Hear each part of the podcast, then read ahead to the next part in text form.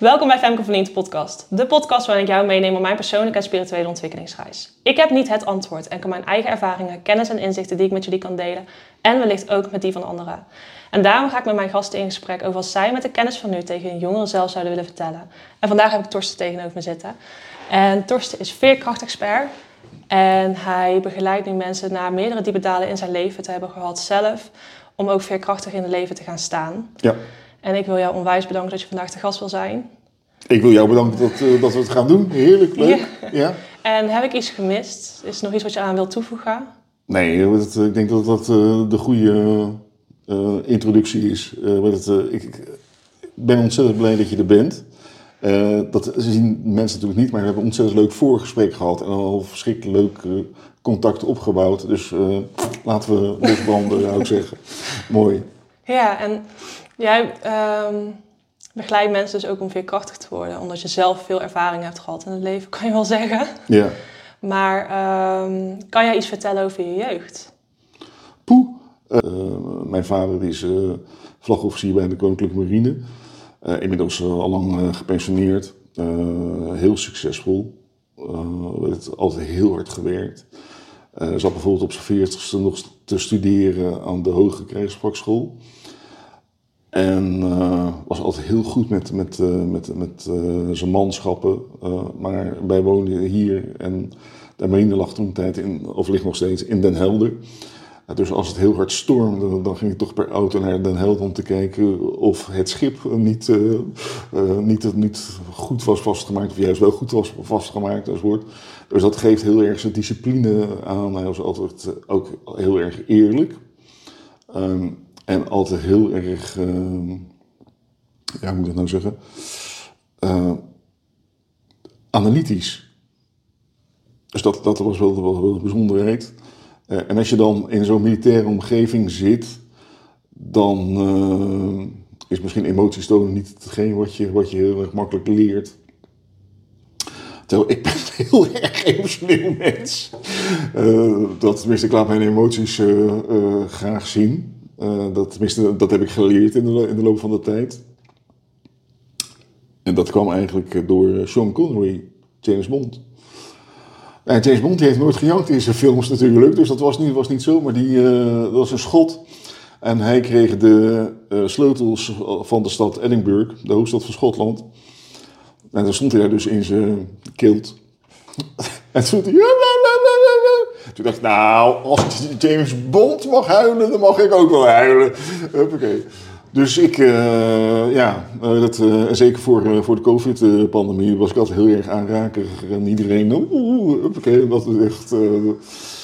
dat is nu natuurlijk minder, maar nog steeds wel, ja, vertel mij een goed verhaal, dan, dan is het hoog. Dus dat is wel, wel een dingetje. ik heb, ben opgegroeid in een gezin met, met drie.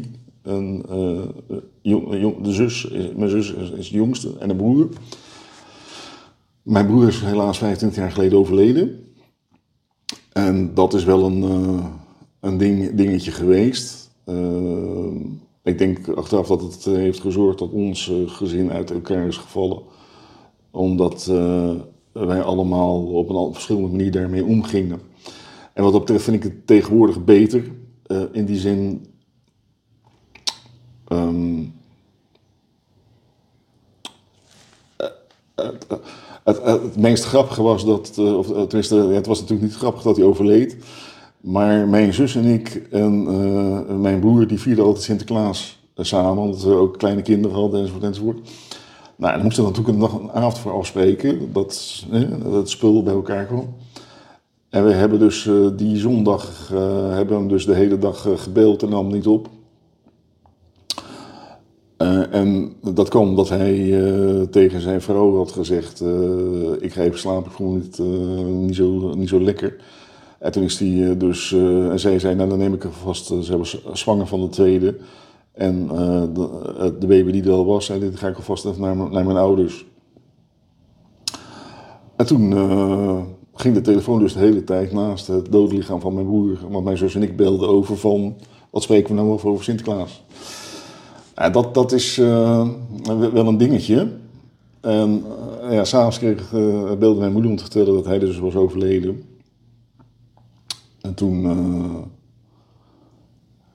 ja, zijn we daar naartoe gegaan, mijn zus en ik. En ja, wat toen, toen eigenlijk gebeurde is dat je in een soort... En dat is dan even dat veerkracht gedoe.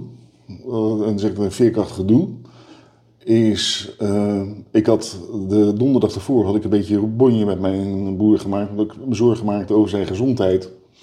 En niet dat we tegen elkaar hadden geschreeuwd, maar het was wel zo dat hij tegen zijn vrouw zei van, uh, gooi die torsten er even uit, want uh, dat is wel erg lastig wat hij allemaal zegt tegen me. Ja, en dan, dan kom je daar dus. En dan, haar ouders waren er al en mijn ouders waren er. En nou, dan condoleer je ze dus met het verlies van. Ehm, en zijn vrouw ook. En dan, uh, dan krijg je dus dat veerkracht. Dat veerkracht die geeft dat je naar die slaapkamer kan gaan waar hij ligt. En toen ben ik uh, op bed gaan zitten naast hem. En uh, heb mijn handen door zijn haar gehaald. En toen heb ik gezegd, nou wat ik nou afgelopen donderdag nog even tegen je wilde zeggen.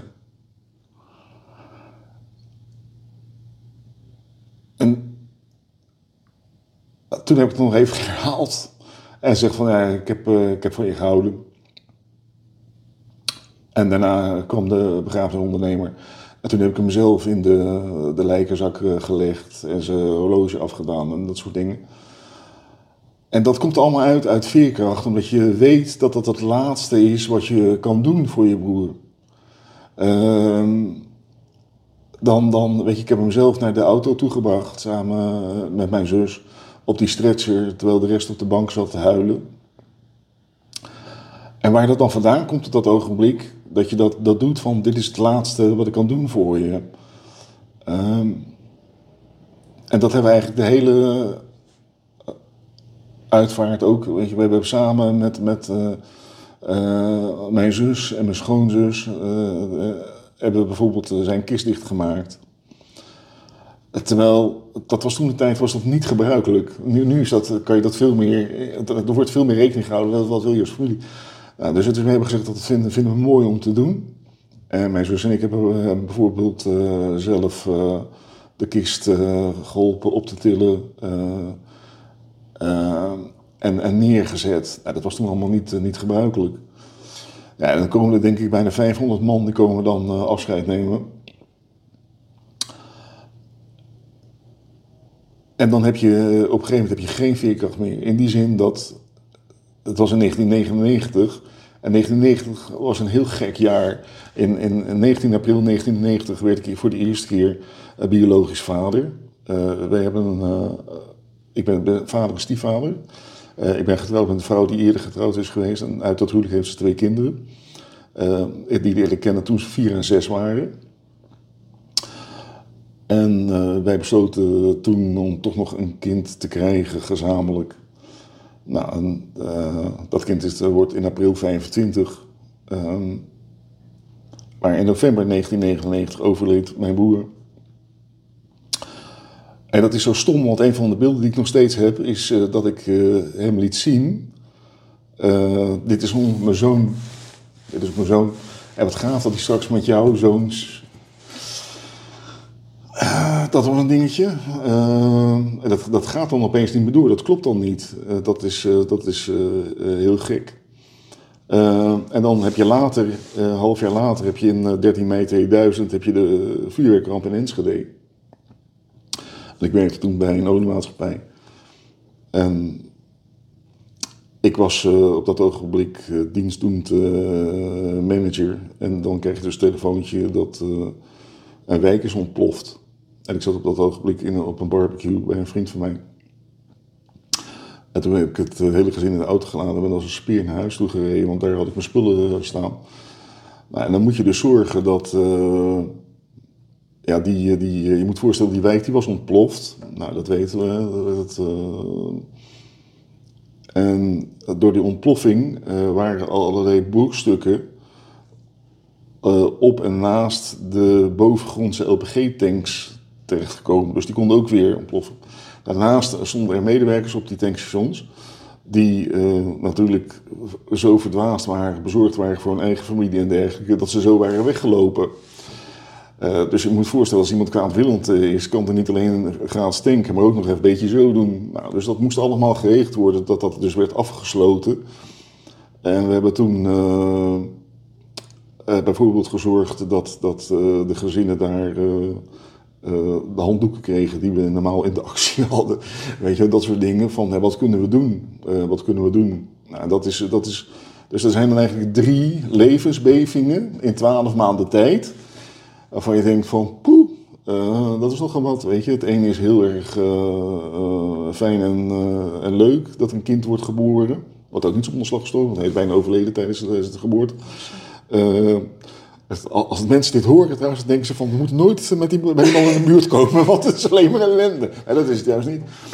en en ja, dan, dan krijg je dat, dat met mijn broer, waarvan ik nu zou zeggen, en daar ben ik heel erg blij dat, dat onze kinderen en, en ja, onze jongste is, wordt dan nu 25 zo direct, zeg maar even voor jouw generatie, dat bijvoorbeeld geestelijk, geestelijke gezondheid veel meer bespreekbaar is. Weet je, ik ging gewoon weer aan het werk een week na de, het overlijden van mijn broer. Um, en wat ik tegen niemand zei, was dat ik elke dag naar het graf reed. Weet je, hij was, hij was in uh, half november overleden en uh, begraven. En uh, terwijl de week kerst, en kerst was bij ons nog wel een dingetje. En wij, wij vierden het altijd samen en in familiezin en dergelijke. Dus ik heb bijvoorbeeld de eerste kerst dat hij was overleden, heb ik dus gevraagd of we met z'n allen naar zijn graf konden gaan. Ehm, en toen hebben we daar nog iemand bereid gevonden om Stille Nacht, Heilige Nacht te zingen op de begraafplaats. Om dat familiegevoel nog even te doen. En 18 januari was die jarig. En ik heb dus de eerste drie, vier jaar heb ik dus elke verjaardag heb ik daar morgens om uh, acht uur langs al die leven staan zingen. En dat is gewoon gemis. Maar het is ook niet goed. Weet je, ik, ging, ik heb de eerste drie, vier jaar heb ik echt elke dag ging ik naar, naar het graf toe. En dan zei ik, dan belde ik mijn vrouw en zei ik, Steven de file. Kom even iets later. dat, was op weg naar huis, ik bedoel, het was vijf minuten. Bedoel. En dan was ik even geweest, maar als ik bijvoorbeeld voor uh, mijn werk in het buitenland moest zijn en dan kom een paar dagen niet achter elkaar, nou dan kreeg ik echt een soort uh, jeuk. En ik denk, ik had gewoon met iemand moeten gaan praten erover. En, en alleen, ik had dat vanuit onze achtergrond, mijn opvoeding, nooit meegekregen. Dat je dat soort dingen eh, deed. Dat je daar met anderen over sprak. En niet uh, misschien omdat het een vorm van zwakte was, maar dat deed je gewoon niet. Dat je dat ik dat nu zo zit te vertellen, nou, dat had je 25 jaar geleden nooit gedaan. dus ja, ik vind dat wat dat betreft dat, als er bekende Nederlanders zijn. bijvoorbeeld de toenmalige koningin Beatrix heeft een heel erg over haar gemis van, van haar zoon die bij het ski-ongeluk is omgekomen gesproken. Ja, dan, dan is het ook veel meer. Het mag ook veel meer ook gezien zijn. Het mag, het mag ook zichtbaar worden. Dat dat is en dat dat een onderdeel van je leven is. Het is een beetje praten hier reden. Nee, maar ik vind, wel, nee, ik vind het hartstikke interessant. Echt, echt, echt. echt ja, uh, nee. Uh, dus uh, dus ja, dat was een heel bijzonder jaar. En ja. in dat jaar heb ik dus besloten om uiteindelijk te stoppen met mijn werk voor mijn oliemaatschappij, wat ik heel graag deed. Ja. Ik werkte er 24 uur per dag, 7 dagen per week voor. Ik vond het echt hartstikke leuk. Ik was bijna een soort secte, om het zo te zeggen. Maar op een gegeven moment dan denk je, ja, is dit het nou? En wat mij toen in het weekend van die ramp met, in, in Enschede, met vuurwerkramp was dat was op zaterdag de 13e en de 14e was moederdag. Ja. En het Wereldhoofdkantoor in Londen, die, ja, die vroeg steeds dingen aan me. Terecht natuurlijk. Mm -hmm. Maar ik, had, ik was toen 22 uur wakker geweest. Dus ik zei van, ja, ik ga nu even slapen. Ja. het was half vijf, dus ik ging uh, s'nachts dus ik ging naar bed. En om half zeven stonden onze oudste kinderen naast het bed. Papa, papa, het is is, het is moederdag vandaag, hè, dus bijtje op nog even een bijtje maken enzovoort. De schatten. Eh, ik nee, nee, de schatten. Dus dat, dat, dat doe je ook uit eh, plichtsbesef en weet ik het allemaal.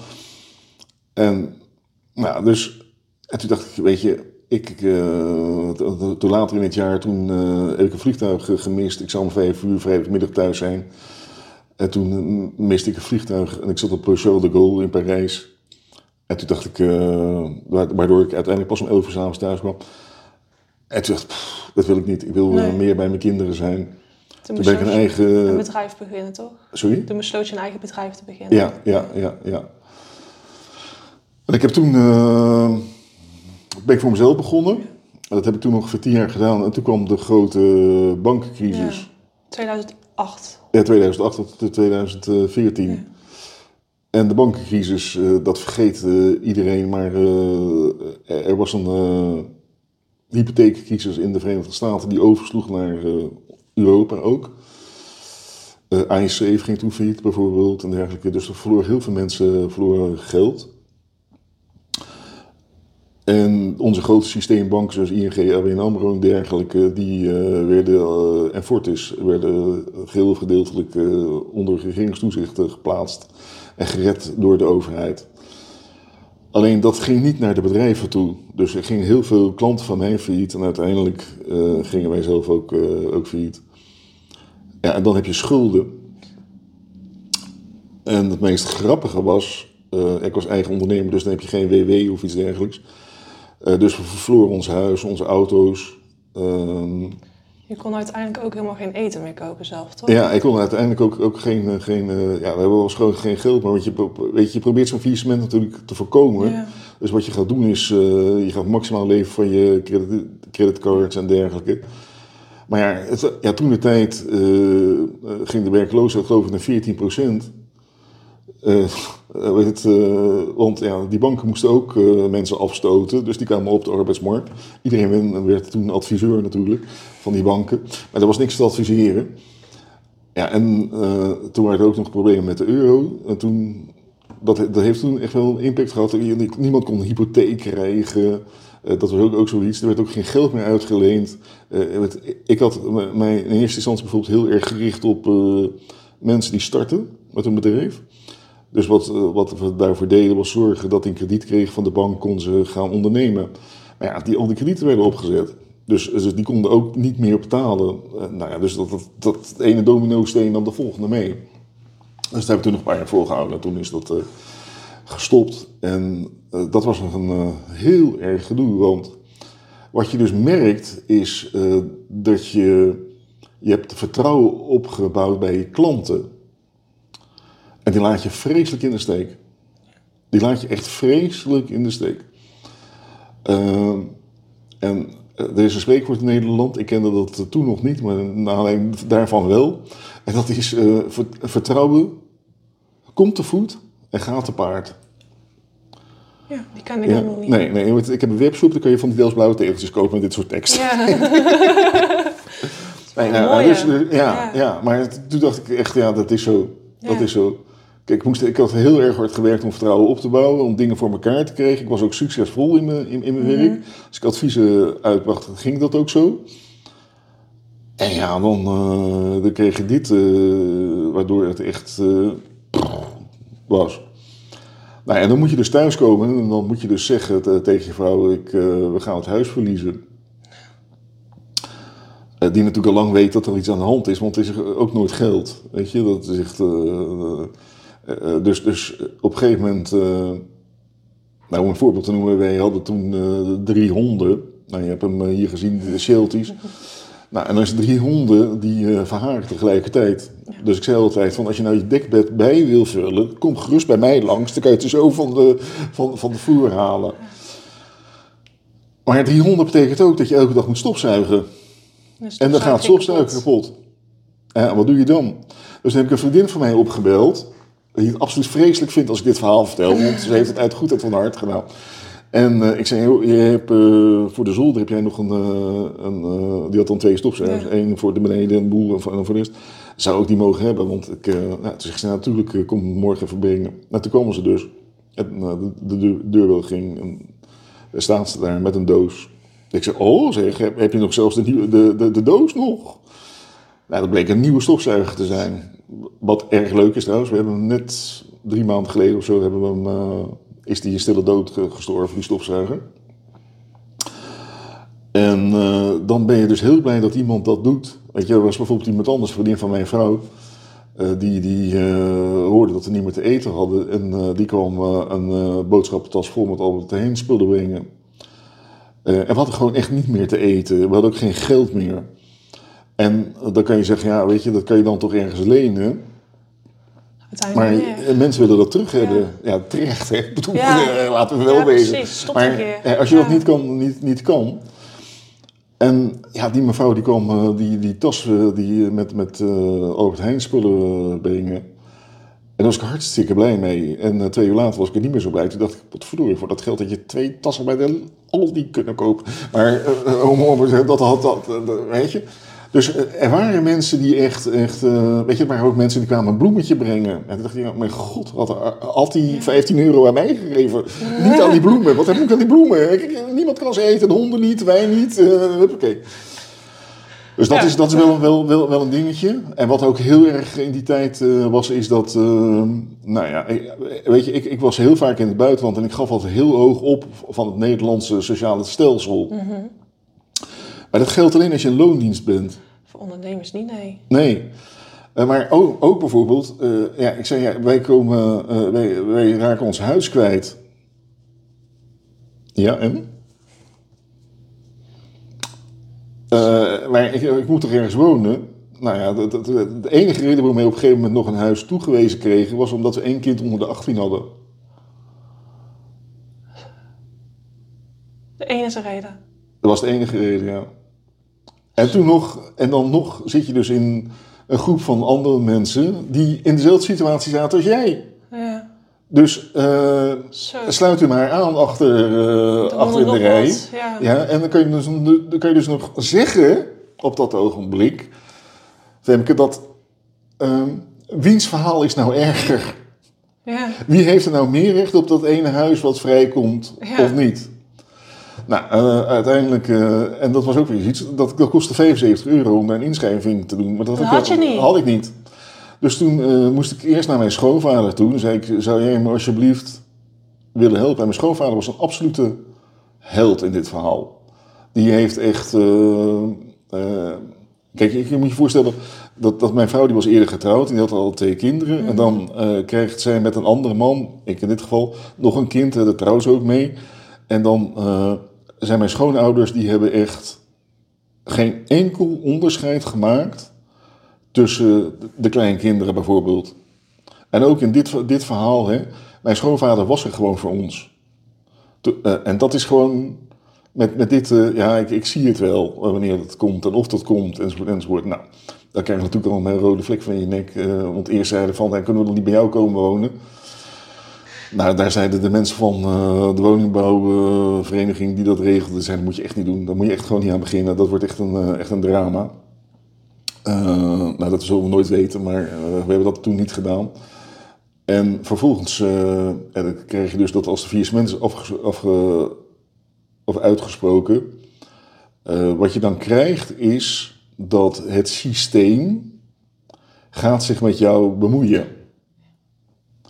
Dus eh, weet het, eh, er wordt een curator aangesteld. Die moet gaan kijken of je niet gefraudeerd hebt. Ehm, nou, dat, dat is allemaal goed afgelopen. Ik bedoel, eh, eh, weet het, eh, dat, dat is allemaal, mooi. Maar dat gaat tijd overheen. Eh, vervolgens moet je met eh, schuldeisers afspraken maken. Nou, mijn, mijn vrouw en ik hebben gewoon vijf, dagen, of, eh, vijf jaar lang eh, zes dagen per week gewerkt. eh, om eh, te zorgen dat we die schulden af konden betalen. En dan krijg je ook weer een beetje het rare van het systeem, wat op dit ogenblik trouwens wel naar wordt gekeken, ook eh, wettelijk gezien, is eh, je wordt alleen maar gestraft. Ja. Dus ook al als je dus zegt van ik wil mijn schulden terugbetalen, dan is het eerst wat ze zeggen van ja, we gaan er boete en toeslagen op doen en eh, je krijgt rente. En die rente was op dat ogenblik dus bijvoorbeeld 8%, terwijl de rente buiten, als ik een hypotheek wilde krijgen, was die 1,5 tot 2%. Dus ik zei van, trek nou die 6% eraf, dan zijn we zo snel mogelijk klaar met het terugbetalen van de schulden die we hebben. Ja, zit je kapot te werken er ook voor. Ja. Ja. Nou, dat is gewoon, nee. En ook banen, denk ik, die je niet eens leuk vond misschien. Of, Ja, eh, weet eh, weet kijk, je maakt het leuk. ja. Je maakt het leuk. En eh, weet ik, ik had toen een, werkgever die absoluut er alles aan deed en, en je, mij dat ook gunde. Weet je, die zei op een gegeven moment van, ja, ik kan je nu een kerstpakket geven, maar waar heb je meer behoefte aan? Toen zei ik, nou, geef mij dan maar, hoe heet het, eten, eten, e- e- eten als kerstpakket. Nou ja, weet je, die ging dan, eh, dan kreeg je, maakte ik een lijstje en dat was dan ons, ons kerstmaal. En dat is ook weer zoiets. Ehm, onze oudste twee kinderen bijvoorbeeld, die hadden, die hadden en hebben nog altijd goed contact met hun vader. Eh, en daar werd uitbundig kerst gevierd. Terwijl ik was al blij dat ik een kerstlunch kon geven. Eh, en dan, ja, dat, dat, dat, dat doet wat met je identiteit. Al- Als man, op dat ogenblik, als, als hoofdkostwinner. eh, ik denk dat, dat mensen in het algemeen, maar misschien mannen nog meer als vrouwen, eh, de neiging hebben om zich te identificeren met, met, met hetgeen wat ze doen. Eh, en ja, dat valt allemaal weg. En vervolgens, in die tijd, omdat die werkloosheid ook zo hoog was, zat niemand te wachten op een mislukte ondernemer. Want ondernemers zijn eigenwijs. Ja, weet je wel, dus eh, kunnen we jou wel modelleren en dat soort eh, gedoe. Terwijl, ik dacht, ja, eh, dus wat ging ik doen? Ik, eh, de gemeente, die, die, die, eh, ik had een uitkering aangevraagd. Dat ging dus niet lukken. En waarom? En dat, dat duurde ook weer drie maanden voordat je de antwoord had. Terwijl ik nu geld nodig had. Drie maanden. En dat is ook zo grappig. Hè? Dan kom je bij de gemeente en dan vraag je dat aan. En toen de tijd hadden we... eh dan zeg- je, ja, ik heb geen geld. Hm. Maar wat is uw telefoonnummer? Ja, die is afgesloten. Dus dat, dat, eh, dat gaat niet. Die is niet betaald. Ja. Maar dan heeft u toch een 06-nummer? Nee, die heb ik ook niet. Want dat, Dat is... kan je niet betalen. Kosten, dat kan ik Ja. niet betalen. Ja, maar als u niet, het, niet een 06-nummer heeft, dan kunnen we u niet bereiken. Nee, dat, dat moet dan per post. Ja. Maar wat is nou uw telefoonnummer? Ja, dat heb ik niet. Oké. Dus uiteindelijk heb ik toen van iemand een telefoontje gekregen. En er deed een prepaid kaart in voor 5 euro. Niet om te bellen, maar om gebeld te worden. Wat gebeurde er dan? Want toen had ik op een gegeven moment werk gevonden. Voor geloof ik 8,40 euro per uur zat ik te bellen bij een eh, callcenter. En dan zit je dan bij 47. En dan zit je te bellen. Mag de eerste week mag je gratis bellen. Om eerst te kijken hoe het gaat. Of je scoort. Dan pas ga je de loonadministratie in. Daar is ook iets voor te zeggen overigens. hoor. Alleen dat was niet makkelijk eh, handig voor mij. Nee. Nou ja, en dan eh, zit je dus te bellen, maar dan kan je dus niet gebeld worden. Dus wat gaan mensen dan doen? Bijvoorbeeld van die gemeente, die gaan inspreken op jouw prepaidkaart, of op jouw eh Oh, eh, voicemail. Ja, dan moet je dat eerst afluisteren. Ja. Dan is er alweer 2 euro vandaan, eh, weg. En dan moet je nog gaan terugbellen ook. Oh. Weet je, dus je, zit, je wordt iedere keer geknepen eh, in, dat, in, dat, in dat verhaal. Dat is gewoon, dus als mensen nu zeggen schulden, dan, ja, ik, ik weet wat dat, wat dat doet. Ja. Ik, ik weet ook bijvoorbeeld nu dat, dat ehm, eh, als, je, als je naar hersenonderzoek kijkt, dat de mensen die schulden hebben en daar langdurig in zitten, dat de hersenen veranderen. En eh, wat, wat, wat, om het maar even te zeggen van eh aan het internet. eh, normaal hebben wij een soort breedbandverbindingen. Dan kunnen we dat allemaal zo kijken en alles zien en weet ik dat allemaal. En mensen die schulden hebben, die, die, dat gaat zo. De wereld krimpt voor ze. Juist. Maar ook letterlijk. Dus Ja. ze zien ook niet meer dat hier een oplossing is. Nee, want je bent zo in zo'n tunnelvisie eigenlijk. Ja, ja. Nou, en dat is gewoon omdat je hersenen dus veranderen.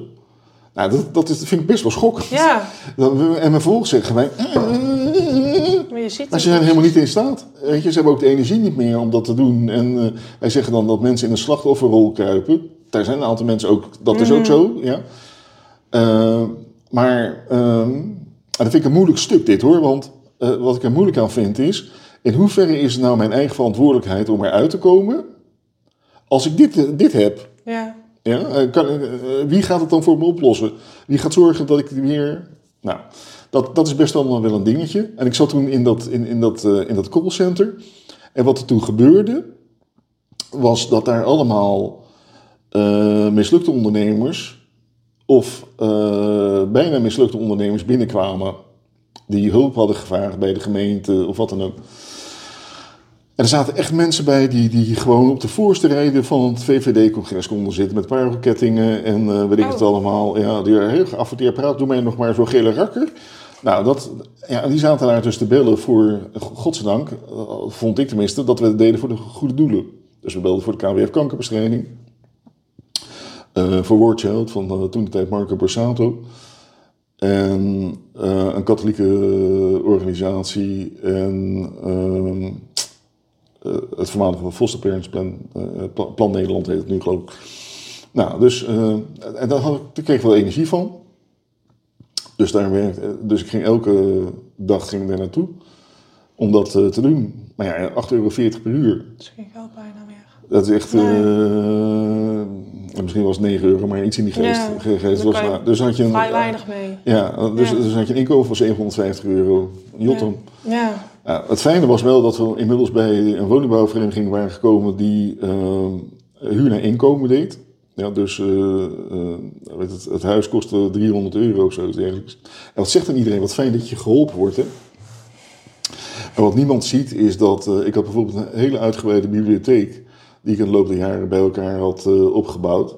Een hele reeks, bijvoorbeeld Stephen King, bijvoorbeeld, Oh, maar, ja, maar, ook heel veel studieboeken op het gebied van hersenen en weet ik het allemaal. En dat moet ik allemaal weggooien. Want het kon dan nergens kwijt. Nou, En dat soort dingen, Dat pijn. ja, dat, dat, dat, dat je ook gewoon eh, ja, foto's en dergelijke geen plaats meer voor. Dus dat eh gooiden we weg. En nu heb ik er spijt van. Echt, ik had het nooit moeten doen. Ik had, maar goed, dat is weer dat even dat je dit eh, bezig bent met, met de oplossing. Nou, en ik zat bij dat callcenter. En daar begon eigenlijk het verhaal over veerkracht. Ik ging erin van, ja, we gaan mensen bewust maken van KWF kankerbestrijding. Voor Child.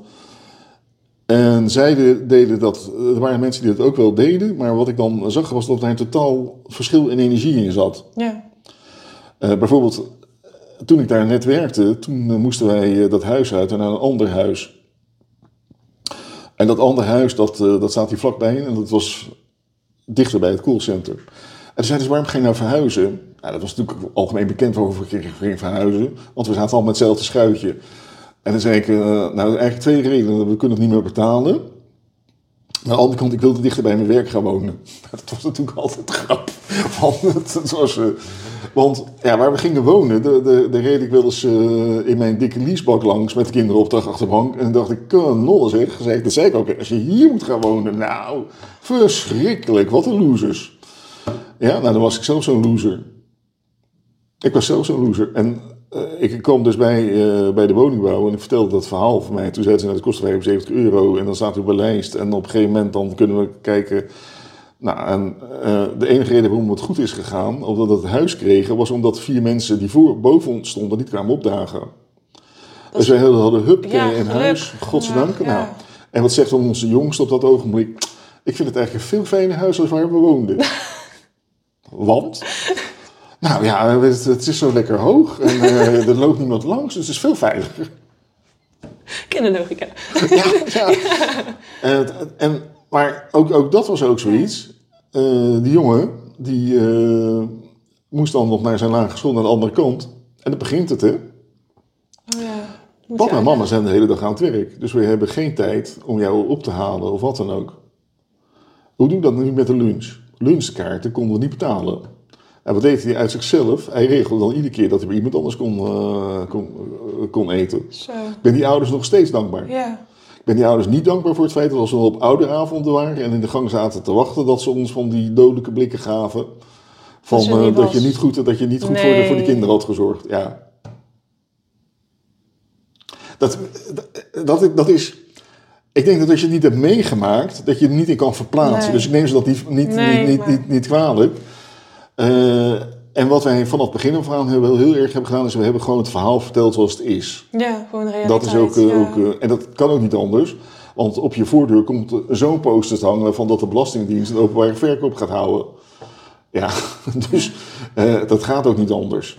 Ehm, ik was bijvoorbeeld als de dood dat ze die honden, dat waren rashonden mee zouden nemen, die liever leed hadden gedeeld, maar die ook zin aan, aan mijn leven gaven daarna, om door te gaan.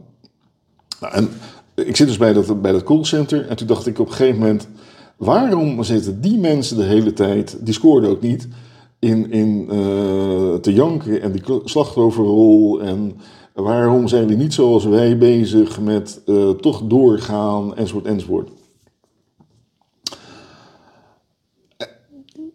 En ik snapte dat gewoon niet. Ik, ik dacht van, uh, dan probeerde ze mee te krijgen, maar dat lukte me niet, enzovoort, enzovoort. En toen kwam ik dus op, op het is veerkracht. het is veerkracht. Ja, uh, ik, ik, denk, ik denk dat, dat uh, ken, ken je Maarten van der Weden? Ja, ja? Nou, ja de, die, zwemmer. Die, die, zwemmer, zwemmer. Ja, ja nou, Olympisch zwemmer.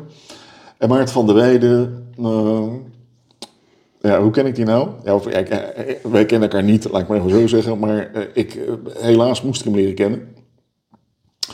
Wij waren net verhuisd en toen uh, uh, had ik steeds dat ik uh, op mijn buik, het voelde niet helemaal goed. Maar ja, ik denk, nou, eerst de verhuizing maar, zorg dat je uren maakt, geld verdienen. Dit was tijdens, de, tijdens het bellen? Ja, ja, ja. En toen, iedere keer als ik onder de douche stond, ik stond me af te drogen op een gegeven moment, of met washand zo, dacht ik, hmm, dat is niet zo helemaal, helemaal, het is raar. Nou, dus ik uh, ging uh, op een gegeven moment maar naar de, naar de dokter toe ja. en uh, ik zei, joh, dat, kijk even, want ja, toen zei hij, ja, dat is huidkanker, melanoom. Nou, ik zeg, oh, nou dan zullen we dat dan even weghalen. ik zeg, volgende week of zo is het ergens. Ik moet even kijken in mijn schema wanneer ik dan kan. Ik zeg, dan kan dat even. Ik zeg, ik heb er niet veel, te veel last van, hè, want ik moet doorgaan met bellen. Toen zei hij, nou, zegt hij, ik heb goed nieuws voor je. Het is nu acht uur s morgens, maar vanmiddag om vier uur word je geopereerd. Oh. Ik zei, inderdaad, oh, ja. Uh, wat blijkt nou, melanoom is iets waar geen genezing van tegen is. Als dat is uitgezaaid, dan ga je gewoon dood. Dood. Einde verhaal. Toen de tijd. Ja. Nu is het wat beter. Toen de tijd. En ik was nog echt een beetje bleuk. Ja, we kunnen dan toch het gebied een beetje, beetje groter eruit snijden. En, uh, doen, uh, nee, nou. Dus het werd eruit gehaald, inderdaad, melanoom. En uh, nou, dan ga je ook dan weer in een systeem, een ander systeem. Ja, toen zeiden ze, de chirurg, toen ik de tweede keer werd geopereerd, van ja, afgaande op mijn ervaring, je bent man, je hebt die leeftijd, ja. het is zo dik, uh, die kleur, uh, moet er van, vanuit gaan dat, dat je nog een levensverwachting hebt van drie maanden. Zo. En dat is, vond ik dat is super confronterend, uh, omdat ik iedereen in de steek liet. Ik had ze eerst al in de steek gelaten met faillissement. Vervolgens waren de schulden niet, niet afbetaald, want we waren net een half jaar verder. Ehm, het, ik had niks geregeld voor, of kunnen regelen voor, voor mijn vrouw of, of wat dan ook. En wat, wat ik ook heel vervelend vond, is dat het huis waarin we terecht waren gekomen, was eigenlijk het huis waar mijn vrouw voor de eerste keer met haar eerste man in, in was gaan wonen. Oh. Ja. Dus als God bestaat, kan hij heel hard lachen. Ja. Hij heeft echt humor. Hij heeft echt humor. Of misschien is het de zij. Maar dat is wel, wel, heel komisch. Dus ik dacht, mijn god, ik, hier, hier word ik echt helemaal niet Nee. blij van, van dit, dit hele, hele gedoe. Nou, ja, dus eh, toen eh, nog een keer geopereerd. En toen zei de eh, chirurg... Je bent helemaal schoon. En dat is raar, want het meest nare was dat eh, toen mijn eh, broer was overleden, heeft de toenmalige beste vriendin van eh, mijn schoonzus is daar in huis gegaan om haar te helpen met de, kleintjes enzovoort. En die had exact dezelfde een soort melanoom en is daar echt op een hele nare wijze aan overleden. Terwijl de statistieken voor vrouwen en die leeftijd en de dingen veel beter waren geweest. En dat is echt, echt maar goed, dan moet je dus naar huis. En dan moet je dus tegen je kinderen, ook daarin hebben we weer gezegd, we zijn open. Dus we hebben gezegd, nou ja, goed, we hebben uh, te horen gekregen dat we een levensverwachting hebben van drie maanden, als het allemaal is uitgezaaid. En uh, ja, daar gaat er een soort, uh, een soort plan in werking, heel onzichtbaar. Onze oudste zoon zei meteen van, ja, dan gaan we nog één keer met elkaar op vakantie. En uh, naar die camping waar we altijd in onze jeugd naartoe zijn gegaan. Alle laatste En- dingetjes gaan doen. Ja, en dan zei ik, ja, zeg maar, hoe stel je dat dan voor dan? Dat ik daar een beetje uitgemergeld eh, op de stretcher onder de bomen lig of zo dergelijks. En eh, dan moet ik iedere naar de wc en dan eh, ga je dan bips afvegen. Ja, dat ga ik dan doen. Ja, zeg maar, de herinnering wil, moet zijn dat ik in het zwembad sta, jij op mijn schouder staat en dat ik je eraf gooi en dergelijke. Dat moet de herinnering zijn. Niet dat ik daar onder die boom lig te kaperen. Nou, dus daar moet je met elkaar over praten. Eh, Dan heb je om je heen een soort ja, verschijnsel dat mensen dus. eh, het, het is trouwens een warmhoutglas, hè, dat glas. Maar, Ja, zal ik zo in ik, verhaal? weet- ik weet niet of het heel erg lang is. Oh, joh, joh, joh. Het is zo in verhaal. Is dat. eh, is, is dat je dat. dat, dat dan gaan mensen dan zeggen, weet je, dan is het, is het april en dan heb je de operaties. En dan zeggen mensen, ja, dan eh, in de vakantie. Oh, mag niet over hebben, want eh, ja, dan is het Torsten er niet meer. Dat, dat, dat is een soort automatisme wat zich afspeelt. Eh, wij, hadden hele goede vrienden en we kregen, ik kreeg vrijdagmiddag om half vijf kreeg ik te horen van de chirurg van nou, eh, ja, het, gezien mijn ervaring en moet ik toch zeggen dat het eh, waarschijnlijk dat het nog maar drie maanden dat het gegaan heeft. En wat krijg je dan? Tot mijn stomme, stomme, stomme, stomme uh, verbazing dat mensen die komen dan een bloemetje brengen en het boek van Maarten van der Weijden. Dus zo Oh, ken ik Maarten van der. Weijden. Want Maarten van der Weijden had natuurlijk heel dik boek geschreven over... En ik had dus vijf van die exemplaren. Dat is heel grappig. Ik had net 400 boeken weggegooid, maar ik had vijf exemplaren van Maarten van der Weijden. Eh, en Maarten van der Weijden die, eh, die vertelde over zijn reis, zeg maar. En dat is heel indrukwekkend. En er zijn twee dingen, of drie dingen die me daar heel erg bij, bij, eh, zijn gebleven. Het eerste dat is dat hij zegt, ja, weet je, ik lag daar in het ziekenhuis op een zaaltje met allemaal mannen die ongeveer hetzelfde hadden als ik, of eh, een soort van kanker. En die eh, gingen allemaal naar de fysiotherapie en die gingen maar zitten fietsen en doen en dingen enzovoort. Hij zegt, en ik deed niks. Terwijl ik dat lange lijf was met die Olympische god sportheid dingen. En toen al Olympisch was, weet ik niet. Maar in ieder geval, dat, dat was... Ja, die zijn allemaal overleden.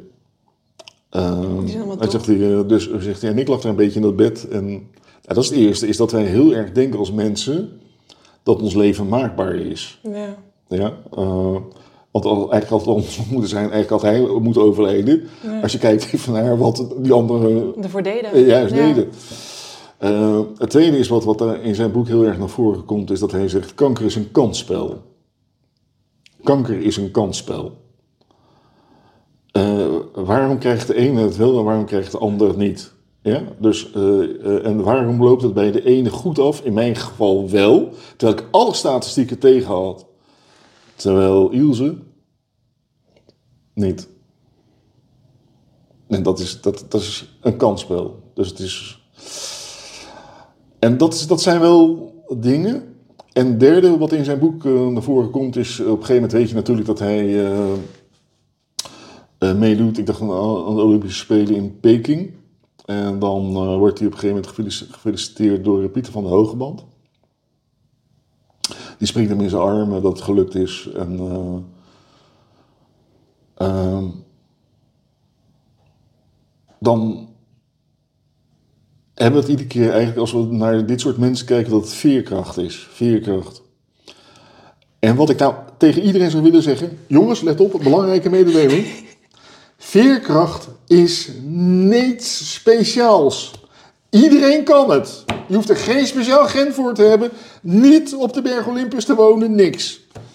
Nou, en dat, eh, dat zegt hij ook. Weet je, dat, dat, dat zegt hij ook. Terwijl wij, omdat de meeste mensen die verdieping niet maken, die kijken alleen maar van, oh, die kan iets speciaals. Maar ook Maarten van der Weijden heeft gewoon zweetvoeten. Ook Maarten van der Weijden denkt wel eens van. Ja? En, ook al, eh, en ook Maarten van der Weijden lukt niet alles. Want als hij de Elfstedentocht gaat zwemmen, de eerste keer, gaat dat niet goed. Alleen daar komt de veerkracht weer. Hij doet het een tweede keer. Ja. Hij blijft doorgaan. Juist. Hij, hij gaat toch door. En dat is denk ik het belangrijkste in, in alles wat ik, wat, ik, wat, ik, wat, ik, wat ik nu vertel. Hè, weet je, eh, ehm, dat je hoop creëert. Ja. Dat je voor jezelf uitzicht creëert op iets wat je, eh, waar, waar je naartoe kan leven. En, en dan even een andere belangrijke mededeling. Als je het nu direct krijgt, is het niks, heeft het geen waarde.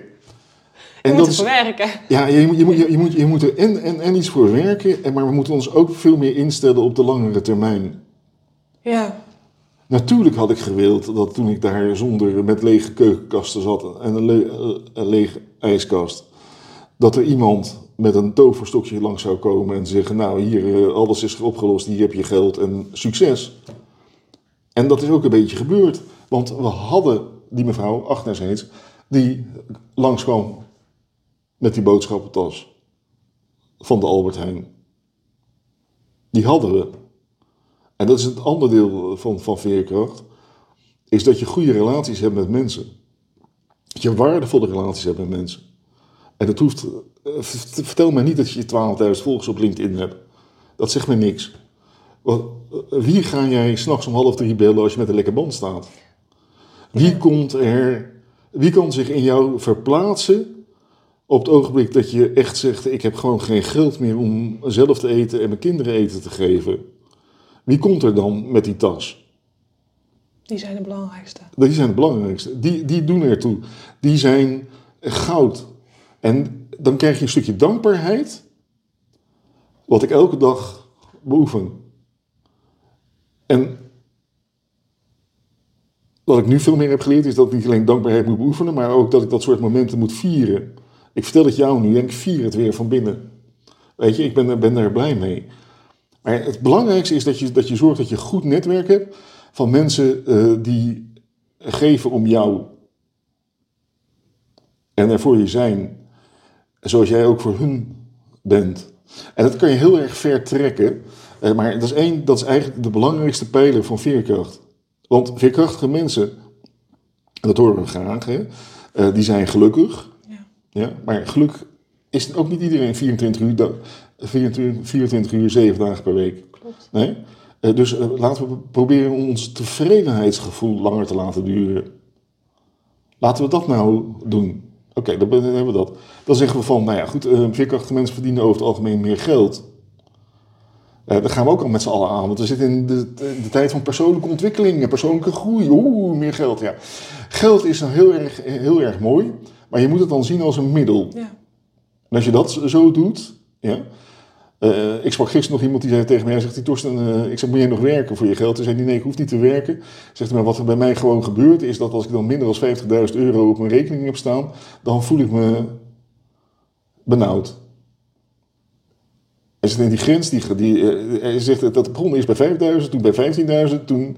Hij zegt dus, ja, ik kan een miljoen op mijn rekening hebben staan. En als ik daar maar aan gewend ben, dan word ik benauwd als ik minder dan uh, een miljoen op mijn rekening heb staan. En toen dacht ja, weet je, dus geld maakt niet gelukkig, maar het is wel een heel fijn middel om te hebben. Nou, dus dat is, dat is, een, uh, is, is, is, is ook iets wat, wat gewoon bij, voor het ontwikkelen van veerkracht heel erg belangrijk is. Maar het belangrijkste is, weet wie je zelf bent. En blijf daarbij. Ja, en blijf daarbij. En dat betekent dus dat je heel erg moet kijken naar niet wat je identiteit is, maar over het beeld wat, wat, wat anderen je hebben meegegeven, hoe goed het ook in je ouders, de leraar, weet ik wat allemaal, eh, vriendjes en vriendinnetjes. En met alle respect hoor, maar ik zou niet 14 willen zijn in deze tijd. Met Instagram, met alle sociale media, het feit dat ik op mijn 14e al een sixpack moet hebben, weet ik het allemaal. Ja. Mijn god, wat doen, we, wat doen we elkaar aan? En dan is het misschien wel handig dat bijna 60-jarige mannen met een baard uh, en een sheltie als hond een keer zeggen van jongens, uh, je hoeft niks van me te leren, maar leer wel wie jij bent. Waar je gelukkig van wordt. Ja, welke en, ja wat, wat, wat, wat, wat, uh, en, en niet de hele tijd met dat stemmetje, wat zullen anderen van vinden? Nee. Want wat zullen er anderen van vinden? De meeste anderen komen je niet helpen s'nachts om half drie met een stofzuiger of een tas van de Albert Heijn. Dat is gewoon, gewoon, gewoon uh, het punt. Kijk, uh, uh, jij zit nu hier samen met mij in een koophuis.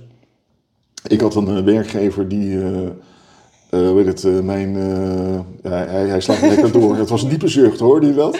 Van de hond. die, ja, die heeft wat dat betreft altijd gewoon goed voor me gezorgd. En gezorgd dat, dat als het goed ging, dat ik daar ook het geld voor kreeg. En daar hebben we dan ook onze schulden van, van kunnen, door kunnen afbetalen. Dus we zijn op een gegeven moment overgestapt naar gewone banen, om het zo maar te zeggen. En ja, dan eh, hebben we dus dit huis. Maar dat is ook weer zoiets in, Nederland. Eh, als je dus schulden hebt, dan word je geregistreerd bij het BKR. Ja, dan, heb je die, dan kan je niks aanschaffen. Van Nee, je kunt niks aanschaffen, maar dus ook geen huis. Nee. Dus wij hadden, eh, dat wisten we toen niet, we waren een beetje bleu. We dachten van, nou, we zijn nu goed op weg, dus we gaan naar huis. Dus we hebben hier verderop hebben we een koopcontract getekend. En uiteindelijk kwam het dus door dat we dus geen geld, geen hypotheek kregen. Want, wat zeggen ze dan? Van als je dan vijf jaar, sorry, als je je schulden hebt afbetaald, moet je nog vijf jaar wachten. En dan pas wordt de registratie bij de BKR doorgehaald, waardoor je schoon bent. Nou, toen heb ik eh, iets van eh, twee, drie maanden gewerkt aan een eh, brief van bijna 13 kantjes met eh 26 bijlages.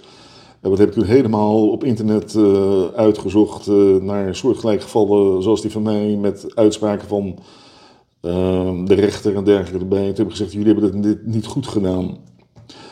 En toen werd ik eh, gebeld door de bank en die zei, we hebben het niet goed gedaan, we doen eh, eh, je doorhalen en je negatieve registratie doorhalen.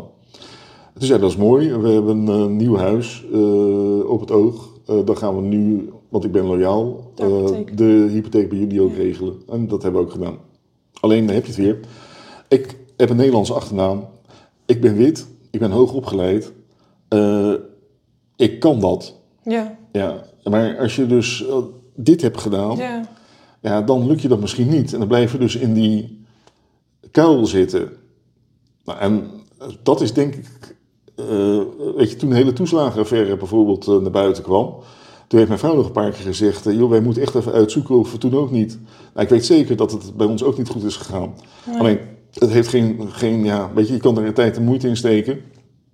Het is gewoon een heel groot gevecht. En zelfs de mensen die nu gelijk hebben gekregen, hebben daarmee hun leven niet terug. Eh, eh, kinderen die uit huis zijn geplaatst, eh, mensen die gescheiden zijn. En dat is iets wat, wat, wat, wat wij als gezin, en dat is iets wat ik ontzettend vier, is dat wij als gezin, een ander Nederlands spreekwoord is bijvoorbeeld, problemen voor de deur, liefde het raam uit. En wij, mag je ook kopen in de webshop. Maar het, wij, wij, wij zijn bij elkaar gebleven, mijn vrouw en ik, eh, onze kinderen. Eh, mijn, mijn, onze, onze oudste kinderen hadden best kunnen zeggen: dat is niet meer te halen bij die eh Torsten, dus we gaan weer naar, mijn- helemaal naar mijn vader toe. Dat is gewoon niet gebeurd. En daarmee, weet je, als, als twee volwassenen zeggen: we gaan samen, want we zijn verliefd op elkaar, dan, we over samengesteld gezin. Maar wij zijn in de loop der tijd gewoon van samengesteld naar samengekozen gezin gegaan. En we kiezen elke keer weer voor elkaar. En we zijn, eh, mijn vrouw en ik zijn nu eh, eh, in december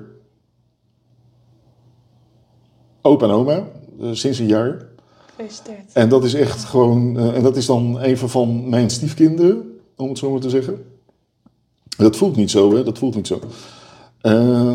En het is zo gaaf dat dat gebeurt en dat je dan bij elkaar bent en dat je dat hier viert. Ik bedoel, de kinderstoel staat, eh, staat achter, achter je. En dan zit er zo'n eh, zo'n spruit eh, van een die zit al wat eten overal te doen. Maar ik weet niet of het goed is voor het geluid.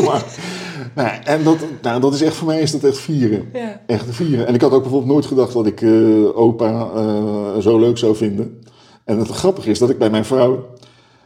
Ja, die heb ik natuurlijk maar één keer eh, moeder zien worden. eh, toen bij onze biologische zoon. Is dat eh, ik bij haar exact dezelfde oerkrachten weer omhoog zie komen als toen de tijd, toen zij zwanger werd.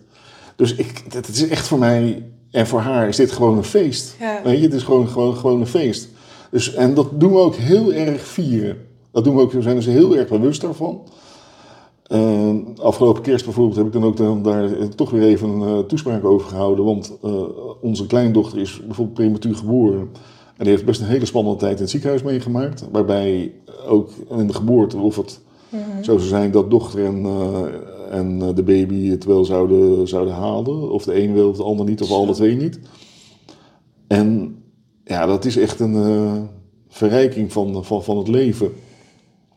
En nu horen mensen dat weer en dan zeggen ze, oh die toestand, dan moeten we niet in de buurt komen. Want dat gaat al Nee. heel goed. Maar eh, kijk, kijk wat, wat, er, wat er wel lukt. Ja. Kijk wat er gaat. Kijk wat, eh, zo- zorg dat je, dat je veerkrachtig bent. Eh, want er zijn zoveel veranderingen. Als je tegen mij op mijn 17 had gezegd van dit en dit gaat er allemaal gebeuren. Dan had ik gedacht, nou, dit, gaat, dit heb je in een film gezien, weet je wel. Maar dat, dat is wel zo. Ja. Ehm, ik, ja, eh, ik, ik zit er te Ja, moet je ik nog had iets ook- zeggen over je... ja, maar je had ook Ik, ik uiteindelijk... maai volgens mij altijd van gas van je voeten. Nee, maar dat, nee, dat vind ik helemaal goed. Oké, oké. Nee, ik heb juist heel vaak dat mensen juist heel graag... Ik wil gewoon heel graag dat mensen juist hun verhaal echt delen. Oké. Want ik luister aandachtig. En Ja, het is ook zo, zeg maar, van... Jij hebt al meerdere keren gedacht juist dat je, denk ik, ook geen opa zou gaan meemaken. Dat je dat zou gaan worden. Bedoel, je toen die kankeruitslag gehad Ja, van drie ja. maanden. ja, Je hebt ook een keertje een andere wens gehad. ja. En dan nu ben je wel opa. Ja, En dat is dan... ja. Daarin vind ik ook dat die veerkracht zo terugkomt. Maar ook dat het... Je kracht eigenlijk van je lichaam. Of ja, Eh, ja, eh, eh, ja. moet ik dat best... Ik weet niet hoe ik het beste moet uitleggen. Maar- Ja, het, is, het, het, het, moeilijke hiervan vind ik. ehm, het is inderdaad dat, dat, je, een dat, je, dat, dat, dat je het. eh, eh, ehm, dat, dat het iets bijzonders is, maar Ja. dat is het niet. Nee, ja. Snap je? Het is, het is, eh, weet, eh, eh, wat, wat ik eigenlijk nu heb geleerd. En weet je, onze oudste zoon die zegt bijvoorbeeld: Pap, ik ben hartstikke blij dat, dat, dat we toen alles kwijt zijn geraakt. Want ik was zo ontzettend snert geworden. dat één. En zegt hij: een tweede is. Je mag dit woord eruit knippen. Het tweede is, eh, is dat, dat eh, hij zegt: eh, Kijk, ik, ik merk gewoon dat als er iets gebeurt. dat ik weet dat ik het kan hebben. En zegt hij, en veel mensen niet. Veel mensen niet. En dat is, denk ik, wat je, wat je je kinderen, wat je de mensen om je heen in elke situatie eigenlijk zou moeten voorleven. De manier waarop ik ben omgegaan met, met die uitslag van kanker, Ja. is ik heb toen heel erg de, ehm, nagedacht, heel even bij mezelf. Hoe ga ik hier nou mee om? Ga ik hier nou mee om van. oh, of ga ik hiermee om van. eh, nou, ik, ik wil eigenlijk tot op het laatste moment met jullie laten zien wie ik ben. eh, en, en, en, en dat is hoe het gaat. Nou, en ja, dat is gewoon, gewoon eh, gelukt, weet je. Maar eh, onze dochter bijvoorbeeld ging in, februari eh, 2020 trouwen. En eh, ja, toen heb ik ook, ook daar in het openbaar gezegd tegen mijn vrouw en tegen de kinderen en de- iedereen die er was. Hadden nou ooit gedacht, toen ik Charlotte zes jaar en Mitchell vier jaar voor de eerste keer zag, dat we hier zouden staan. Weet je, met ook haar vader, met, met, met, met zijn nieuwe vrouw. En dat, dat we hier staan om, om, om dit met elkaar te doen. Wie zijn wij? En wat, wat brengen we mee? En eh, als je onze kinderen vraagt, Femke, dan kunnen die kunnen precies vertellen wat ik aan fout heb gedaan. Maar ze zullen altijd zeggen tegen je, hij heeft altijd zijn best gedaan. En ik denk dat is wat we moeten zijn. Dat we de beste versie van onszelf zijn in dit leven. Dat we moeten kijken naar de, naar de lange termijn. En weet je, eh, ik doe dit omdat ik jou leuk vind. Eh, wij zijn natuurlijk op een gekke manier aan elkaar gekomen. Maar dit komt straks op internet. En dat is het eh, grote geheugen. Klopt. En wat ik dan hoop, dat er zo over 15 of 20 jaar, als ik in de buurt van de 80 ben, en misschien ben ik er dan wel niet meer, dat weet ik ook niet, maar eh, is dat eh, onze kleinkinderen bijvoorbeeld kunnen zeggen, Dat als ik nu op internet ga, dan zie ik die oude knakker. En ik heb nog eh, bij hem in zijn armen gelegen. En daar kan ik me geen zak meer van herinneren. en ik hoor altijd en ik zie filmpjes die op telefoon staan, of waar weet ik het waar ze dan zijn. dat hij dan poetie, poetie, poetie, poetie doet, enzovoort, enzovoort. Hè? En ik ben dan opa Baard. Maar potverdorie, dan zit hij daar met zo'n Femke te praten. En dan leer ik hem kennen. Ja. En op die manier probeer ik toch een stukje erfenis door te geven. Ja. En mensen te raken. En te zorgen, ik bedoel niet alleen voor die kleinkinderen, maar ik hoop dat jij ook straks weggaat. En dat je zegt van, nou, ik heb, ik heb iemand ontmoet. Ik die, hang aan je lippen. Ja. ja, ja, die, die, die, die, die, die, die eh, op een hele gekke manier toch een soort impact bij me heeft gehad. Nou, en dat is... eh, Daar had je Ja, ook al voorbereiding hiervan nog. Ja, ja, ja, Ja. ja, ja. Nou, dat, dat, eh, kijk, en dat, dat is eigenlijk waarover dit gaat. Dat, dat je, dat je, dat, dat je, we, leven in een bijzondere tijd met heel veel veranderingen, ook technologisch. Ja. Ik ben helemaal gaan richten op veerkracht en, en AI. Hebben we nog tijd? Of, eh, Ja, ja, ja, of- nee, ik zat even te kijken naar de batterij. Ah, Oké. En eh, weet je, wat je dan, eh, wat je dan ziet is dat dat, dat echt grootschalige veranderingen met zich mee gaat brengen. Toen de tijd, toen internet werd geïntroduceerd eigenlijk, ja, toen was ik bezig met mijn gezin, carrière enzovoort enzovoort. En ik hoorde dat wel, maar toen dacht ik, nou ja, oké, mm, nou, ja, nou, stel dat je nerds. wist ik veel dat, wist jij veel, wist wie Ja. veel. Hè? Weet je, oh, we kunnen zelfs boeken bestellen bij bol.com. Oh, dat is handig.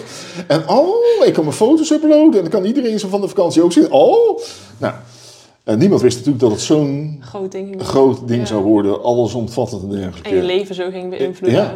Ja. Ja, en nu heb ik het, eh, nu heb ik het gevoel met AI weer. Nou, dus ik heb het de afgelopen maanden echt helemaal op AI gestort. Want ik heb hetzelfde gevoel als toen, van dit is levensverandering. Ik heb godzijdank geen gezin meer, Nee. waar ik eh, op alle oude avonden bij hoef te, hoef te zijn. ik doe heel graag de opa en oma dagen. Ik vind de titel opa verschrikkelijk, maar oké, goed, dat is weer wat anders. Die past nog niet bij, me, bij mijn geestelijke gesteldheid. Maar het is wel, wel zo dat, dat we daar dus heel veel veerkracht van moeten ontwikkelen. En juist dat aspect van dat mens zijn. Weet je, en er komt nog één belangrijke mededeling. Als we praten over AI, is het artificiële intelligentie. Kunstmatige intelligentie. Vanaf vandaag, na dit gesprek, als je dit hebt gezien, praten we over authentieke intelligentie. Want het gaat namelijk over hoe wij zijn als mensen. Oh, ja. Dat is ook een eh, tegeltje in de webshop. Maar, dat, dat, is echt, echt, wat- dat Ja. is echt iets wat we moeten hebben. En eh, weet je, ik, heb, ik heb dit woord authentieke intelligentie gekregen van een Belgische dame, Angelique Monmilieu, die daarmee kwam. En toen zei ik, nou Angelique, die stel ik van je. Ik heb het goed gestolen, wij Nederlanders stelen alles. Maar oké, dat hebben, hebben we dus gedaan.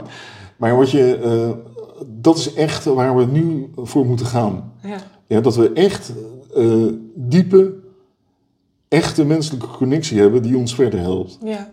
Want dat is ook, als we nou praten over de beste versie van onszelf, dat is ook wat een brein of een, eh, een kunstmatig brein nooit kan doen.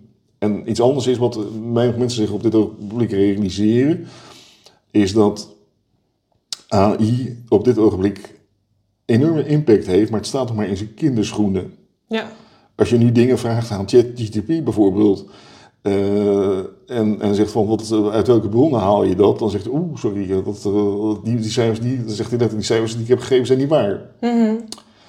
Oh, dus dat is net een klein kind, ik heb, ik heb gejokt. Maar het heeft wel een ontzettende eh, invloed. Dus eh, we moeten daar nu mee gaan leren werken met z'n allen en kijken wat het doet. En hopelijk heel veel nieuwe banen erbij krijgen. Of onze maatschappij anders inrichten. Maar die verandering is nog groter als internet. Dus we moeten eh, daarvoor klaar zijn. En dat betekent dat we de diepmenselijke connectie die we hebben, ondanks al onze verschillen, ik denk dat dat ons meer verbindt. Wat voor kleur je ook hebt, welke seks je ook hebt, welke seksuele voorkeur je ook hebt, welke leeftijd je ook, ook hebt. Het belangrijkste wapen is nu veerkracht. Omdat je dan eh, laat zien dat je een flexibele mindset hebt. Dat is waar het nu over gaat. En je moet dus uit je slachtofferrol komen. Je moet uit je drama-driehoek komen. Je moet zorgen dat je geestelijk weet wie je bent. Wie ben ik? Als ik aan een man vraag, waarom heb je die naam? Of wat betekent je naam zelfs? Nou, geen idee. Bij vrouwen, eh, vrouwen 80% van de vrouwen weten het. En dat is dus, dus eh, eh, ja, ik doe dat altijd een soort plagerijtje van... eh, en daar begint het al. Weet wie je bent, weet waar je vandaan komt. En eh, realiseer je... eh, weet je, dat is, dat is ook, ook weer zo schokkend als je dus, eh, dus eh, opa en oma wordt. Je hebt er geen invloed op. Door je kinderen besluiten dat ze een kind willen. Ja, ik bedoel, eh, eh, die doen alles als konijnen. Uiteindelijk komt er na negen maanden zo'n kind. Ja, oké. Nou, en dan, eh het is daar niks ang- angstwekkends als, het, als ik denk als ouders dat je kinderen seks hebben met elkaar. Maar oké, goed, dat is anders. Dus, dus, en dan, dan komt er dus, dus zo'n klein kind. En wat er dan gebeurt is dat jij eh, een plaats opschuift in generaties. Dat is zo gek. Ja, Dat is zo gek. Ik kan er niks tegen doen. nee. Ik ben, ik ben niet anders als voor en na. Weet je wel, dat is ook zoiets. Dus dat is een, e- echt zoiets. Ja, Ja, eh, dat wordt door iemand anders besloten. En de hele maatschappij hangt daar dus de, de titel opa aan. Ik denk, ja, opa, dat zijn toch van die mannetjes in van die bejaardenhuizen die dan zo'n zo, zo te groot relator. Ja, ja, die hebben zo'n te groot overhemmertje aan, weet je wel. En dan zo'n stropdas die tot zover hangt. En, en eh, nou, nou ja, dat, dus, eh, maar het is wel ontzettend mooi. Het is echt gewoon, eh, alle twee zijn het cadeautjes. ja. Ik bedoel, dat is echt, echt, echt, echt gewoon een, een dingetje. Heb ik je, Ja, ik ja, we kunnen nog over COVID praten als je dat wilt. eh, maar eh, eh, het wordt meer van hetzelfde, zeg maar. Ja, het is wel een heel indrukwekkend verhaal, dat overigens wel. Misschien een hele korte samenvatting, omdat de mensen dan wel weten van het COVID-verhaal. Maar Ja. jij had dus uiteindelijk COVID gekregen. Ik had COVID gekregen in de eerste golf. En eh, ook, ook het, eh, per ambulance het ziekenhuis ingegaan. En wat eh, heel erg moeilijk is nu, want ik, ik heb het er nu over en ik zie het weer voor, is dat de gangen van het ziekenhuis waren. eh, er stond, stond een tent voor. Eh, wat, wat was de ingang, ze hadden het allemaal verplaatst en uit je dat op tv zag en zo. Ja, Ja, ja. Maar de wanden waren bijvoorbeeld helemaal ingepakt in plastic en, en dergelijke. En ik had één ontzettend grote angst dat ik lag in, in, in die eh, ziekenauto. Dat ik de hele tijd maar tegen de mevrouw eh, zei die bij me moest zitten van het ziekenhuis. Ik denk dat ze een pak zat met, met een skibril op. En, alsjeblieft, blijf, blijf, blijf bij me vandaan. Ik wil je niet aansteken, ik wil je niet aansteken, blijf. En die ging gewoon door. Die, die zei van laat mij gewoon mijn werk doen. Eh, ik heb hiervoor gekozen. En ehm, dat, dat, dat. Ik weet niet wie de mevrouw is geweest. Ik, ze was onherkenbaar hetgeen wat ze had. Maar dat is, dat is voor mij is dat wel eh, iemand die ik vier. Bij alle medici die ik toen ben terecht eh, of, of heb leren kennen. Nou ja, goed, wat, wat gebeurt er dan? Dan ga je dat, dat ziekenhuis in en dan word je eerst op de eerste hulp opgevangen. En daarna, dat is ook, ook weer zo, zoiets, hè, want mensen lopen allemaal met dubbele handschoenen, dus Ja, het heel erg heet. Ja. Eh, toen de tijd gingen de testen gingen naar de zorg. Dat was ook goed. Ik, Ja. ik heb er geen kritiek op, maar dat was de keuze. En eh, wij als patiënten gingen dan, eh, kregen dan een, een scan. Ah, mijn zuurstof was toen gezakt naar 80% of zo. dus dat, dat ging niet heel erg goed. Nou, ik heb extra zuurstof gekregen. En toen kwamen ze de volgende dag zeggen, zeggen dat ik naar huis mocht. En er gebeurden twee dingen. Eh, die ziekenhuiskamer is net zo groot als dit. En mijn bed stond daar zo en daar was de deur. En dan kreeg je dus ontbijt. Of eten. En dan werd dat daar neergezet. In verband met infectiegevaar. Toen heb ik wel een beetje geweten wat de Zwarte Dood en de pest in de middeleeuwen deed. Dat, eh, dan heb ik hetzelfde. Ja, eh, jullie zijn ook moeders. En, En jij kon uiteindelijk ook helemaal niks meer, hè? Nee, dat is echt. Mm. dus, dus, dus, dus, en dat stapelde zich ook op, eh, de, de, de etensbakken enzovoort. enzovoort. En, nou, en, maar ik kon, ik kon niet van daar, daar naartoe komen, dat was ook weer zoiets. Dus daar zat drinken, dat was daar nodig. Dus dat, eh, nou, en toen kwamen ze eh, bij me om te zeggen dat ze geen beschadiging in de long hadden gevonden, maar wel een kwaadaardige longtumor Oh, door roken. Maar het grap was, ik had nooit gerookt. Dus, dus dat was door wel... inhalatie wel- van ander rook? Of, eh, Eh, Ja, geen idee. Nee. Eh, geen idee. Dus, dus dat, nou, toen zeiden ze van, nou goed, maar we kunnen je ontslaan. Je kan gewoon naar huis en daar verder knappen. Want de bedden Ja. waren toen heel erg... als je niet naar de Nee, IC ging, dan... eh, moest je weg? Ja. ja.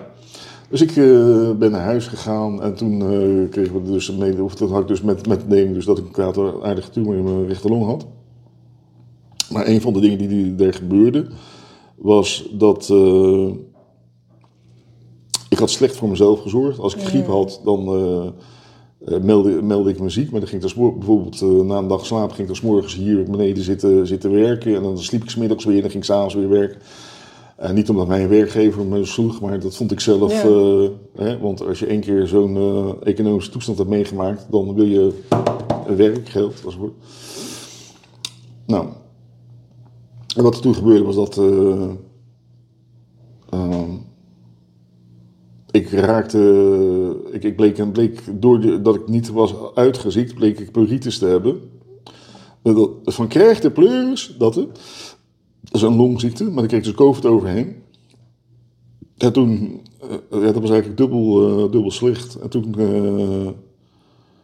heb ik er bijna anderhalf jaar over gedaan om beter te worden. En het beter te worden, dat klinkt altijd zo eh, fijn, hè, weet je wel. Dat, dat, dat, eh, dat zien we allemaal als een rechte lijn omhoog. Dat is niet maar dat was niet zo. Nee. Ik, ik raakte eerst eh, mijn geheugen volledig kwijt. Ik kon niet meer lezen, ik kon niet meer schrijven, ik kon niet meer praten. Sinds die tijd heb ik ook een baard, omdat ik geen kracht meer had om te scheren. En omdat ik nu vind dat het wel wij, wij staat. Maar goed, dat is wel... Mijn vrouw vond het eerst niks, maar ik zei nee, hij blijft erop, hij blijft erop. En ik was zo, zo op een gegeven moment zo slecht, dat we met kerst deden we altijd spelletjes. En dan wilden altijd met, eh, de kinderen bij papa, want papa weet zoveel. Maar ik was nog slechter als mijn dementerende schoonvader. Dat was zeer confronterend die kerst. En toen heb ik eh, samen met mijn vrouw besproken om eh, een afspraak te maken voor euthanasie. Want ja, ik, ik werd gewoon niet meer. Nee. Het ging alleen maar zo. En toen. Dat, dat is ook weer zo, zo typisch. Je zit dan weer in het systeem, dit keer van de ziektewet. En dan de ziektewet zegt dan eh, dat je eh, met een. eh, ik ben even namelijk het arboord. Nee, het is geen arboord. In ieder geval, weet het, die, die controleert dan of je ziek Ja. bent en dergelijke. Oh, En die verwees me door. Sorry? Scanarts. Nee. Nou, oké. ja, maar dat, eh, dat is bij, dat is bij euthanasie. Dan krijg Oh, je, ja, ja. met het- er zijn er twee artsen die daar... Eh, dat, is, dat is inderdaad zo. Hij zegt, zo verwaren we nog niet hoor. Oké. Nou ja, toen... die stuurde mij door. En toen kwam ik Ilona Vlaar tegen. Die was er ergotherapeute.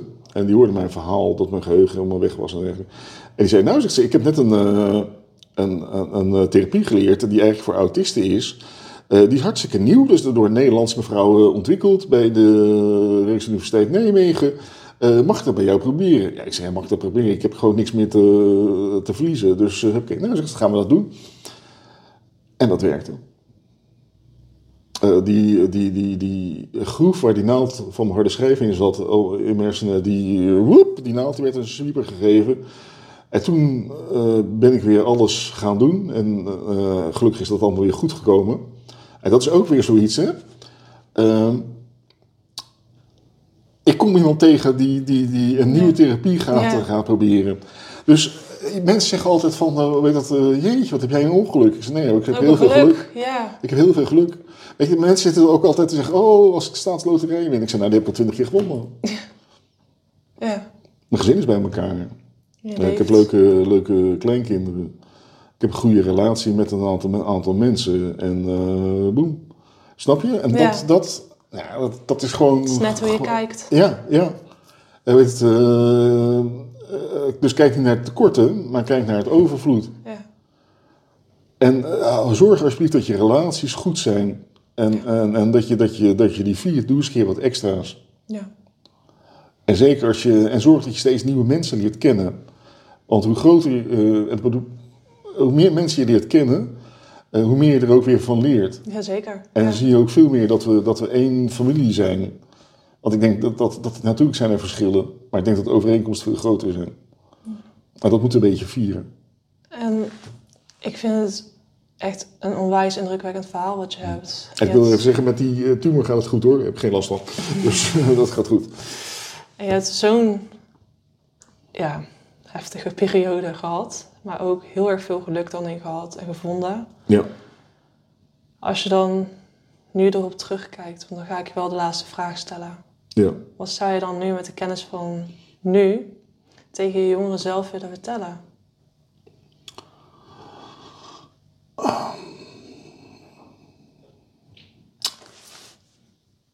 Dan moet het één ding zijn of mogen het twee dingen Mogen zijn? meerdere. Dat mogen twee dingen zijn. Oké. Eh, eh, Ik heb een tijd eh, terug heb ik het volgende verhaal gehoord. En dat het is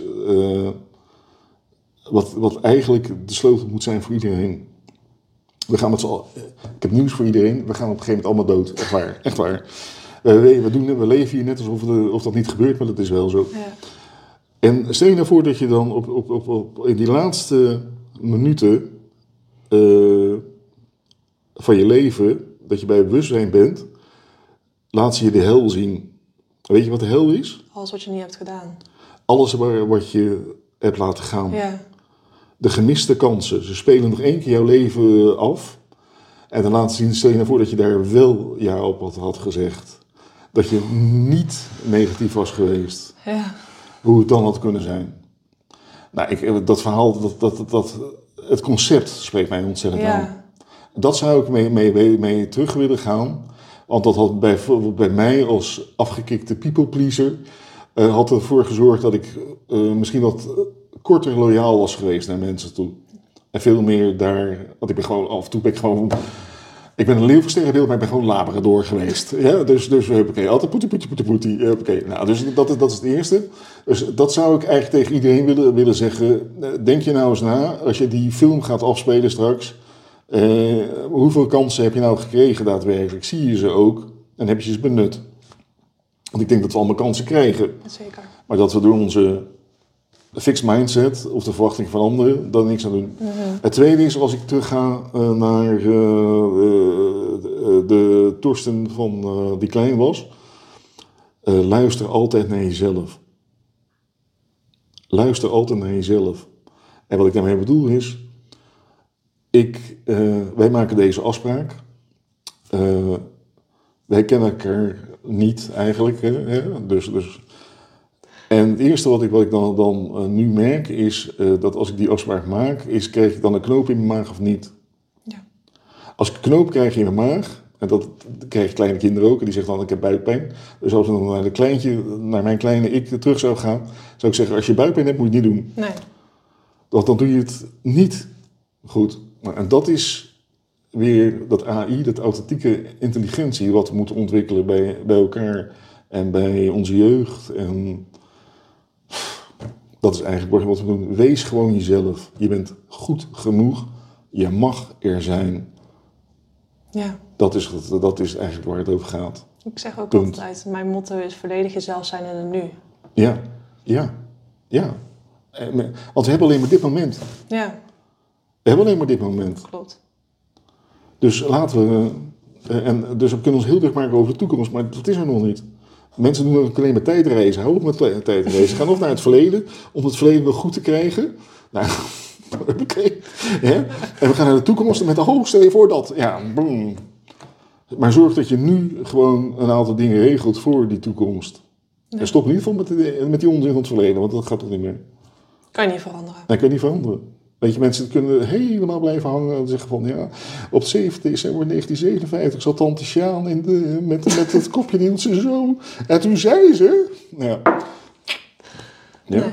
Eh, het kijkt door die voorruit, die is groter als die achteruit, Ja, achteruitkijkspiegel. Zeker. Kijk naar die vooruit, daar liggen de mogelijkheden. En eh, zoals je. Ook al, weet je, dat is ook zoiets. Ik heb het allemaal meegemaakt als woord en weet ik het allemaal. En, maar eh, het heeft me ook gemaakt tot wie ik nu ben. Zeker. Het heeft me ook gemaakt tot nu, wie ik nu ben. Dat ik empathisch kan kijken. Ik heb bijvoorbeeld heel veel geleerd van, van de kracht die onze dochter met haar man eh, heeft. eh, toen ze ja, het te vroeg geboren kindje, kindje kreeg. En hoe ze dat doen. Tegelijkertijd is een kind van negen maanden gewoon geboren. En ik zie onze zoon en zijn vrouw ook dat moment helemaal vieren. Ja, en, en doen en, en, en dankbaar zijn. En, ja, dus dat is mooi. Maar en dat is iets wat, we- wat we doen. Dat, dat, nou, ik, eh, ik kan goed doorgaan. Ik wil jou onwijs bedanken.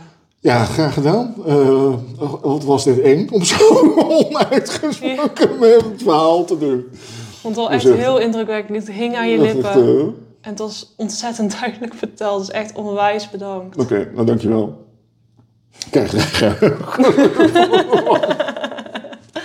Dus eh, veerkracht, daar gaan we het over. Precies. Dat hebben we nodig. Dankjewel.